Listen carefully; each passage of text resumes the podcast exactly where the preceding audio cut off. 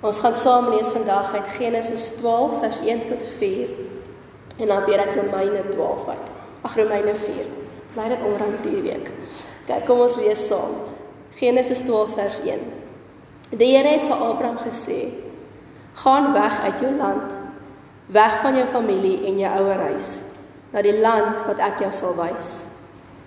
Ek sal jou 'n groot nasie maak. Ek sal jou seën en jou naam groot maak, sodat jy 'n seën sal wees. Ek sal hulle seën wat jou seën, maar wie jou verwens, sal ek vervloek." en deur jou sal al die groot families van die aarde geseënd wees. Abraham het gegaan soos die Here vir hom gesê het en Lot het saam met hom gegaan. Abraham was 75 jaar oud met sy vertrek uit Haran. Ons lees blaai op na Romeine 12 toe, Romeine 4 toe.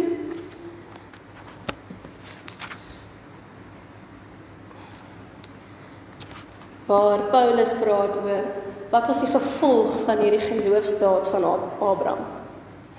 Vers Romeine 4 vanaf vers 1. Wat sal ons dan sê het Abraham, ons stamvader, na die liggaam verkry? As Abraham inderdaad op grond van sy dade regverdig verklaar is, het hy rede om daarop te beroem, maar nie voor God nie. Want wat sê die skrif? Abraham het ge, het God geglo en God het sy geloof as regverdiging gereken. Iemand wat werk se loon word nie as 'n guns gereken nie, maar as iets wat hom toekom. Ons lees van vers 16 af. Daarom het daar daarom het die belofte op geloof berus, sodat volgens genade kon vas staan vir Abraham se hele nageslag. Nie net vir hulle wat op grond van die wet leef nie, maar ook vir hulle wat op grond van Abraham se geloof leef. Hy is ons almal se Vader. Soos daar geskrywe staan, ek het jou die Vader van baie nasies gemaak. Dit was hy in die oë van God in wie hy geglo het. Wat die dooies lewend maak en dit wat nog nie bestaan nie tot bestaan roep. Hy het teen alle verwagtinge bly hoop en geglo dat hy die vader van baie nasies sou word, soos gesê is. So sal jou nageslag wees. Sy geloof het nie verswak nie. Al het hy besef dat sy liggaam reeds so te sê dood was. Hy was reeds ongeveer 100 jaar oud en dat Sara se moederskoot ook reeds dood was. Met die belofte van God in gedagte, het hy nie in ongeloof verval en begin twyfel nie. Trouwens, hy het sterker geword in die geloof en het die eer aan God gegee. Hy was vas daarvan oortuig dat God dit wat hy beloof het ook kan doen. Daarom is dit vir hom as regverdiging gereken. Ons lees tot daar.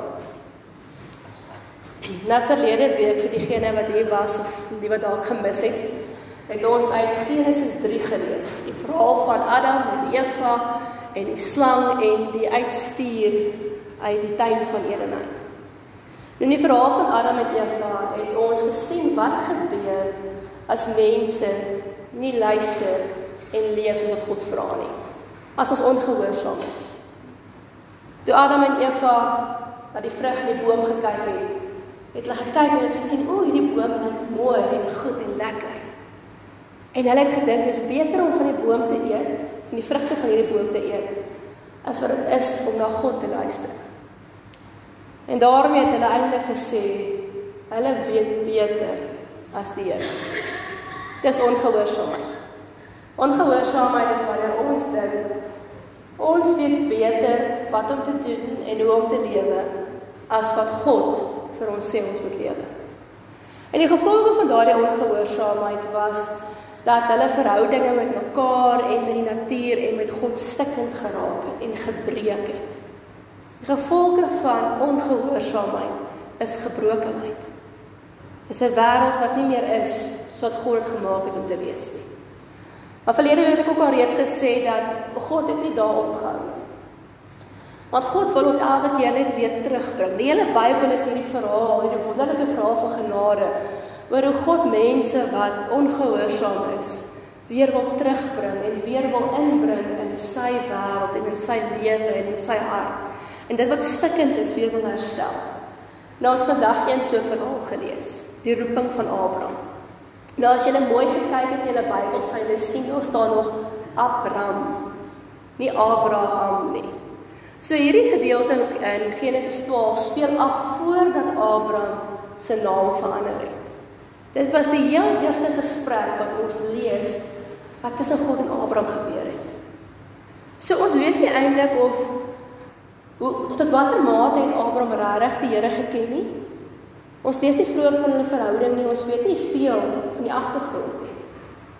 En daarom is hierdie verhaal wat ons eintlik gelees het, die eerste 4 verse in Genesis 12, eintlik 'n bietjie vreemd. Vreemd omdat dit nie ons menslike reaksie is nie. Die verhaal begin, soos ons gelees het, wat God na Abraham toe kom. Ons het die vorige hoofstuk het gelees hoe sy skoonpa oorlede is in Haran en dis waar hulle gebly het. En hier kom God na Abraham toe en hy sê vir hom: "Vat jou goed en trek. Gaan weg. Los jou familie, los almal, los alles wat jy ken, die lewe wat jy ken. Vat jou goed en trek na die land wat ek jou sal aanwys." Nou dalk klink dit nie vir ons vreemd nie omdat ons die storie ken die Bybel. Maar ek wil julle eintlik terugvat. Ek wil so 'n bietjie hande hê in die gemeente vanmôre. Wie van julle is 75 wat hier sit? Wie's 75 of oor naby 75? Gaan. Niemand het hierdie kant. Nou kom kry julle. Ek wil hoor as ek nou vir julle sê, vat jy goed in trek. Sal jy trek? Nee. As ek jou vir iemand van 60 nou sê, vat jy goed en trek, sal jy trek. Jy weet nie waar jy nie. Sal jy trek? Gideon sal jy trek. Rikkie sal. Maar die meeste van ons is net nee. Ons eerste reaksie is ons gaan nie trek nie. Want waarheen trek jy? God het nie vir Abraham gesê waarheen hy trek nie. Ons pak jy goedjies in jou tas en dan gaan jy. Jy weet nie of jy links of regs, noord of suid, wes of oos moet gaan nie. Jy moet net gaan. Die meeste redes om dryf, jy sal seker sê nee, ek is te oud, ek het nie krag vir dit nie, nê. Nee. Ek wil nie meer nie, ek het nie die energie nie. Hoekom gaan ek nou moet trek? Ek moet sê ek het nou 'n paar keer getrek. Elke keer as ek klaar getrek het, dan sê ek nie weer nie. Want dit is nie 'n maklike storie nie. Trek is nie maklik nie. En hoe ouer 'n mens raak en hoe meer 'n mens gefestig raak in 'n plek soos Abraham, hoe moeiliker word dit. Ons kry al hierdie geldige redes maar my kinders is hier, my familie is hier. My huis is ek aan gewoond, hy's afbetaal. Dinge loop reg hier waar ek is. Ek gaan nie trek nie. Dis nie verskonings wat ons as mense gewoonlik meer opkom. Maar kyk vir Abraham hierdie verhaal. Die Here het gekom. Hy het vir hom gesê: "Vat jou goed en trek. Ek sal jou wys waarheen, maar jy weet nog nie nou nie." En Abraham het sy goed gevat, sy broer Lot en sy familie en hy het getrek. Net so. Ons lees nie hy geredeneer het met God nie. Ons lees nie dat hy vrae gevra het soos ons al gevra het nie. Hy het sy goed gevat en hy het getrek. Punt. En ek dink in hierdie verhaal van Abraham, hierdie eenvoudige begin van Abraham en God se verhouding waarvan ons lees. Lees ons die rede hoekom Abraham in die Nuwe Testament gereken word as die vader van geloof. Want geloof in 'n eenvoudige manier gestel is om te luister wanneer God vir jou iets vra en dit net te doen. Abraham het geluister toe God hom sê: "Vat jou goed en trek." En hy het sy goed gevat en hy het getrek. Dis geloof. Om te doen dit wat God jou vra. Om gehoorsaam te wees. Dit sê lekker as ons vanmôre met die kinders gesing het. As God vir ons sê kyk links, dan moet ons links kyk. Sê vir ons sê draai om, dan moet ons omdraai. Dis gehoorsaamheid en dis geloof. Maar nou sal ek dadelik ek nou dit begin dink hierdie week te dink myself nee nee nee nee wag 'n bietjie okay. Stop nou net hier. Ons het mos 'n gesonde verstand gekry. Ons kan mos nie net ons goed vat en loop so Abraham nie. Partykeer is dit ons daarom die Here vir ons vra, klink dit mos net 'n bietjie te gewaagd. Ons begin redeneer hierdie tipe goed van, maar wat van dit en wat van dat? Wat as ek te oud is? Ek het nie krag nie. Ek weet nie waarheen ek gaan nie, Here. Ek weet nie wat se werk ek gaan doen nie. Ons het baie keer al hierdie verskonings wat ons gebruik en sê maar dit maak nie logies sin om te doen dit wat ons sou voel die Here vir ons vra nie. Dis nogal 'n ding waarmee ons sukkel om ons gesonde verstand, ons logiese denke baie keer te versoen en in lyn te bring met wanneer God vir ons iets vra wat nie in ons beheer is nie en wat ons nie verstaan nie. So wat maak ons met dit? Die Here het ons 'n gesonde verstand gegee. Hy het ons so gemaak. Hy het ons geskaap dat ons kan redeneer, dat ons kan dinge uitsorteer, dat ons met mekaar kan praat en wysheid inwin om 'n regte besluit te neem. Ons het 'n gesonde verstand. Die Bybel noem dit ook onderskeidingsvermoë. Om te kan onderskei wat die regte ding is om te doen en die verkeerde ding om te doen binne God se wil. Dis 'n gawe van die Gees. So God het ons 'n gesonde verstand gegee. Maar hoe bring ons dit nou in lyn met geloof? Ek wil aanmaak by verlede week se verhaal weer van Adam en Eva.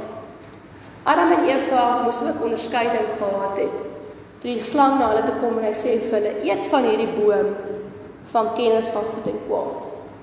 Hulle moes 'n besluit neem of dit goed is in God se oë en of dit sleg is in God se oë. En ons lees nog al die redenasie wat Eva gehad het, as jy nou terugdink daaraan wat sy sê, die boom is mooi en goed en die vrug is lekker om na te kyk en begeerlik.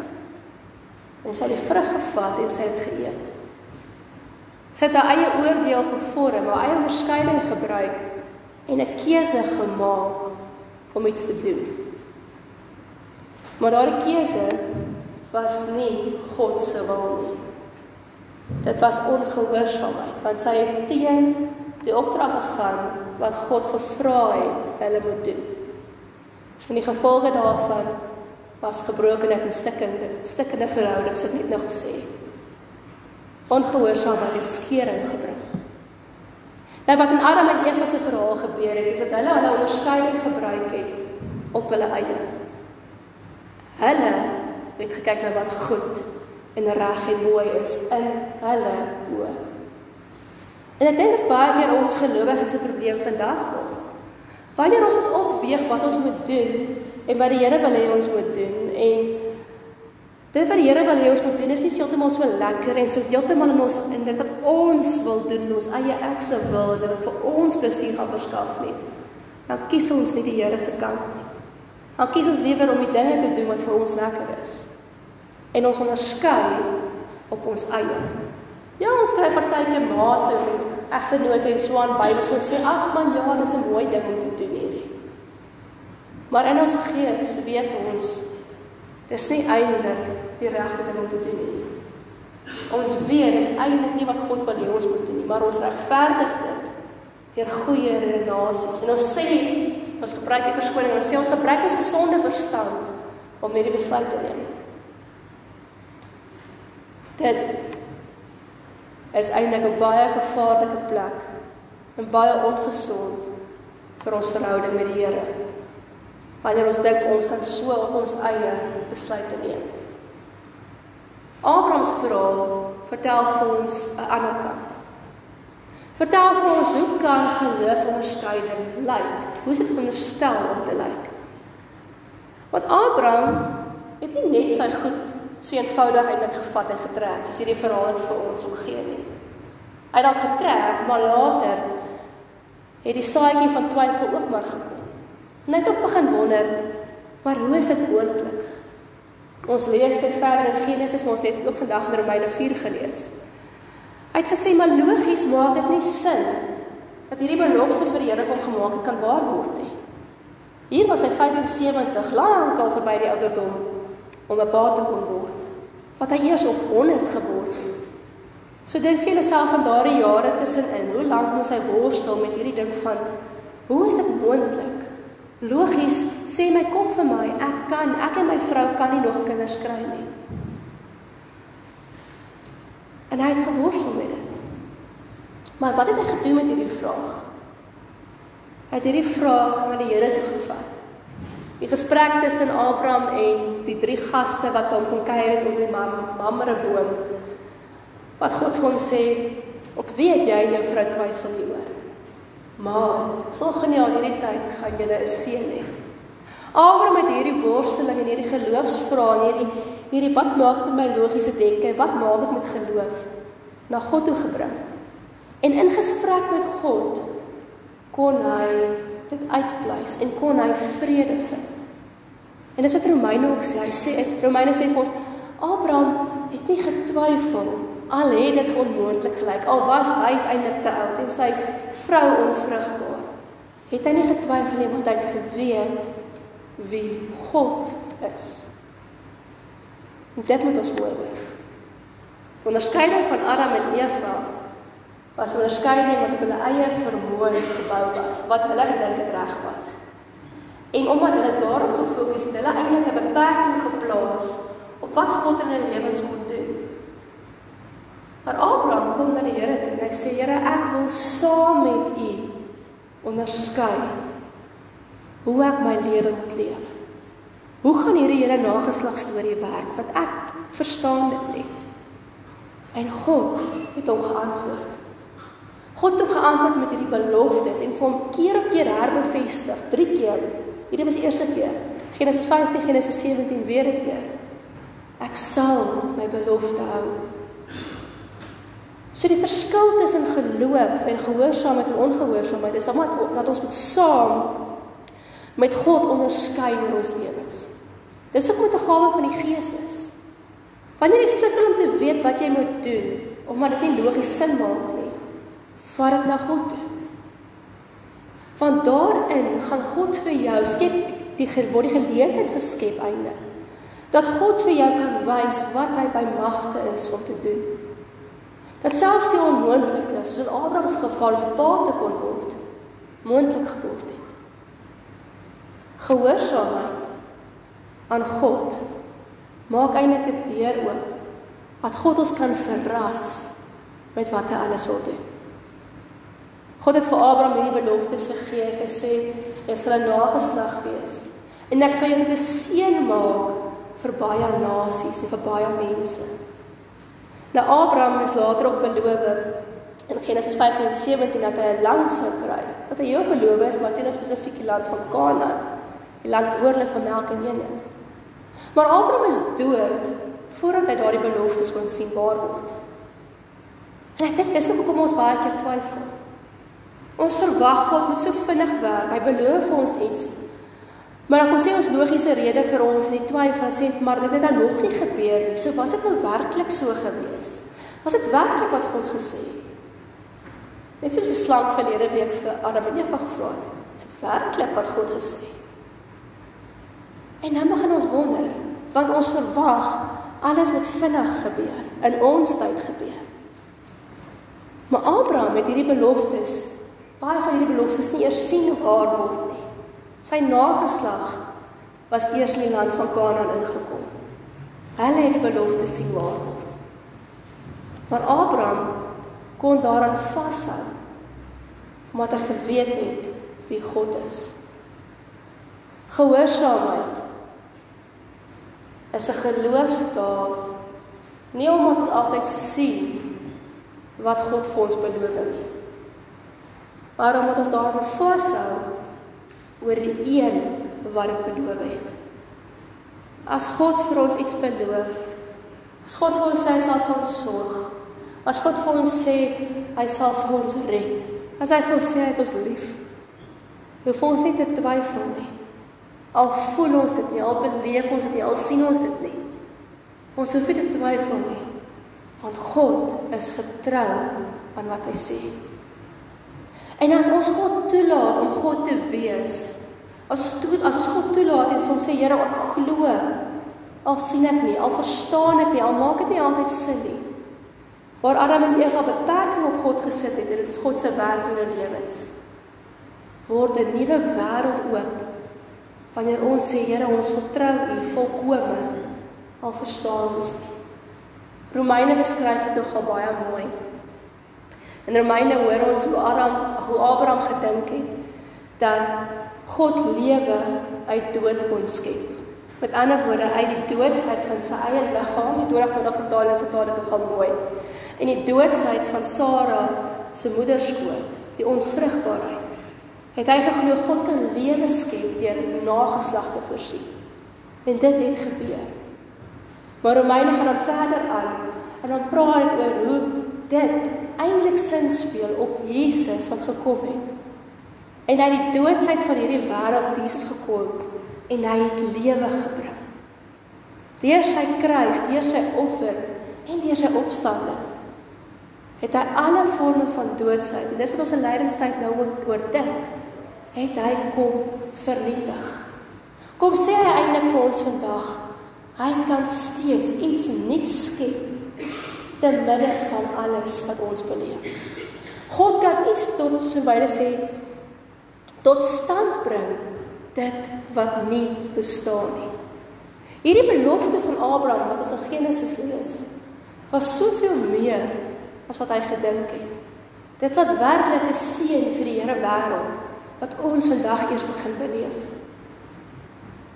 Maar hy het dit nie verstaan nie, maar hy het 'n stukkie daarvan geglo.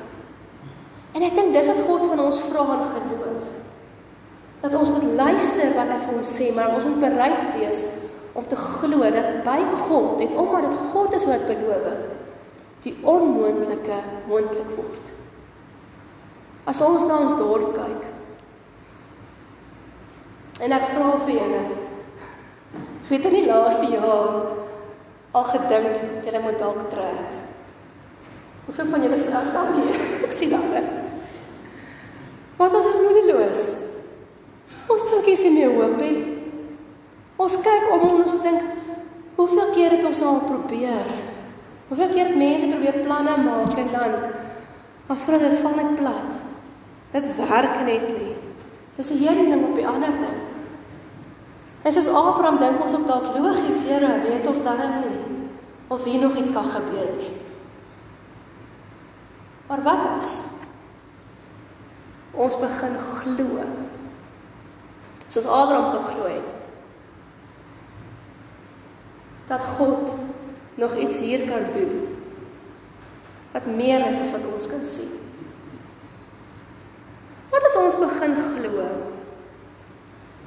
Dat God uit die doodsheid wat ons om ons sien, hierdie verlorenheid, hierdie hierdie magteloosheid, hierdie hooploosheid iets tot stand kan bring wat nog nie bestaan nie.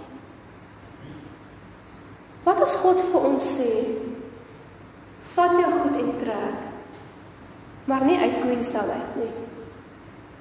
Trek terug in Queenstown. In omdat hy ons hier wil gebruik. Baie van die keer dink ek is omdat ons eintlik so half met ons hart op 'n ander plek leef dat ons nie insit hier wat ons hier moet insit nie. Want ons voel dit maak 'n verskil nie. Maar wat as God vandag vir ons sê: "Vat jou goed en trek agter my aan terug in Queenstown." sal ons gehoorsaam wees. Sal ons gehoorsaam wees en net doen wat die Here vir ons vra om te doen. Of sal ons allerlei verskonings hê en sê dis hooploos. Hier is geen wat te smeer nie. Hier is nie meer uitkomste hier is nie meer geld nie, hier is nie meer krag nie. Wat jy ook al kan aandink. Sal ons 'n beperking plaas op wat God kan doen deur ons verskonings. As ongehoorsaamheid van Adam en Eva 'n wêreld stukkend gemaak het, sodat ons dit sien soos dit nou is. Kan julle julle indink? Wat sal gebeur as ons 'n slag gehoorsaam is? As ons 'n slag doen dit wat God ons vra om te doen. Soos om 'n slag volkome volg sonder verskonings. Ek dink ons gaan verras word deur God. Soos wat Abraham verras is deur hom. Nie oor wat ons reg doen of wat ons verkeerd doen nie. Maar oor die feit oor wie God is. Geloof is nie altyd om sterk te staan nie. Partykeer is dit vrae. Solank ons net daardie vrae die teenwoordigheid van die Here vra. Solank ons dit saam met die Here onderskei, saam met die Gees onderskei wat dit is wat God van ons moet doen. Dan weet ek die Here sal iets doen. Meer as wat ons kan dink of wat ons kan droom. So gemeente. Die Here vra vandag vir ons. Kom. Vat jou goed. Trek maar trek agter hom aan. Nie agter jouself nie. Nie agter jou eie drome nie. Agter hom. En hy sal vir ons sorg. Kom ons bid saam.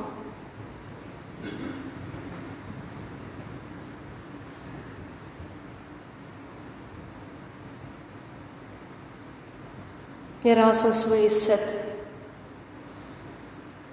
Dan besef ons baie keer ons na ons wêreld kyk. En ons nie kans sien om te waag om iets mee te doen nie. Want ons is al soveel keer teleurgestel.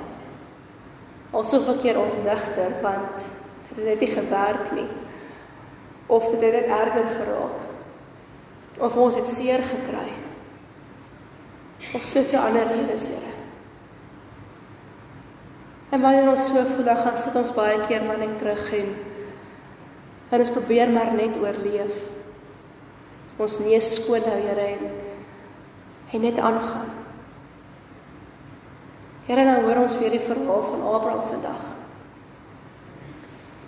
Van 'n man wat dit gewaag het om in geloof saam met U te reis. Al het hy nie geweet waarheen nie. Al het hy nie geweet altyd hoe dinge gaan uitwerk nie. Al het hy lank gewag, Here, dat al hierdie beloftes waar word. En al het hy self van dit nie gesien nie. Here, ons kom bid. Dat U ons werklik hierdie soort geloof sal gee. 'n Geloof wat waag in U. 'n Geloof wat U vertrou 'n geloof wat die moontlikhede oophou, Here, oor wat U kan doen en oor wie U is. Geloof, Here, wat gehoorsaam doen en gaan wat U ook al van ons vra. Here, soms struikel ons. Soos Abraham ook maar gestruikel het. Toe hy by Hagar gaan slaap het, Here. So struikel ons ook. Maar dankie dat U ons nie alleen laat wanneer ons so struikel nie. Maar dat U ons keer op keer weer terugroep, nader trek aan U, Here. Maar Adam en Eva so ver van U af moes gaan oor hulle ongehoorsaamheid. Here, is ons begeerte om soos Abraham net weer nader aan U te kom. Saam met U te reis. Kom leer ons Here hoe om dit te doen.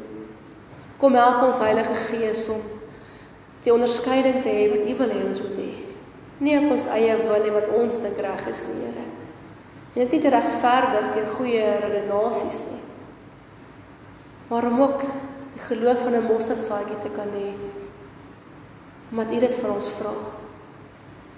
Here, dit is eintlik so 'n ongelooflike voorreg om te kan weet dat maak nie saak wat U vir ons sê en waarheen U ons stuur nie dat as ons luister en saamgaan, U sal sorg.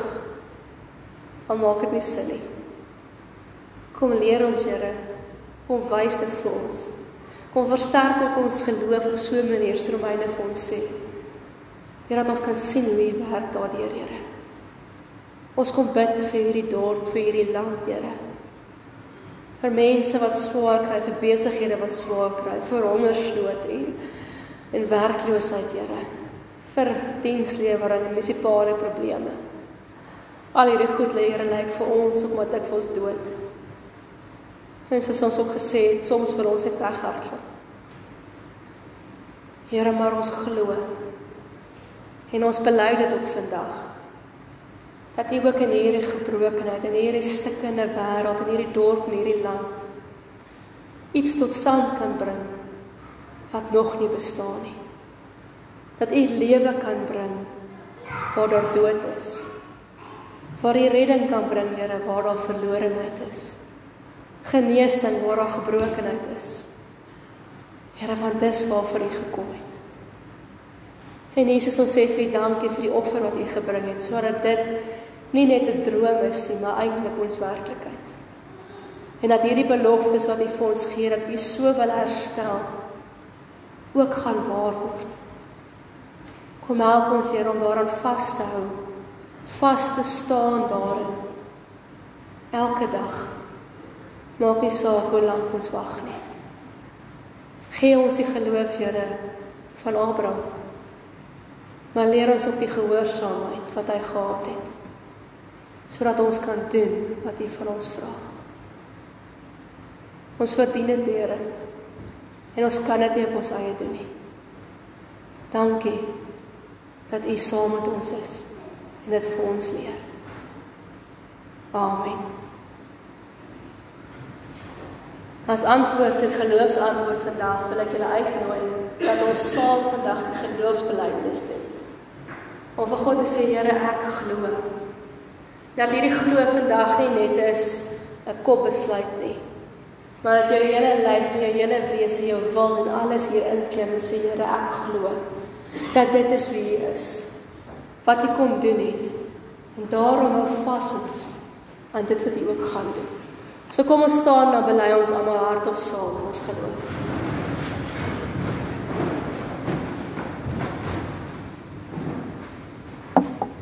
Ek glo in God die Vader, die Almagtige, die Skepper van die hemel en die aarde, en in Jesus Christus, sy eniggebore Seun, ons Here, wat ontvang is van die Heilige Gees, gebore is uit die Maagd Maria, wat gelei het onder Pontius Pilatus, gekruisig is, gesterf het en begrawe is en ter helle neergedaal het, wat op die derde dag weer opgestaan het uit die dode, wat opgevaar het na die hemel en sit aan die regterhand van God, die almagtige Vader, van waar hy sal kom om te oordeel die wat nog lewe en die wat reeds gesterf het.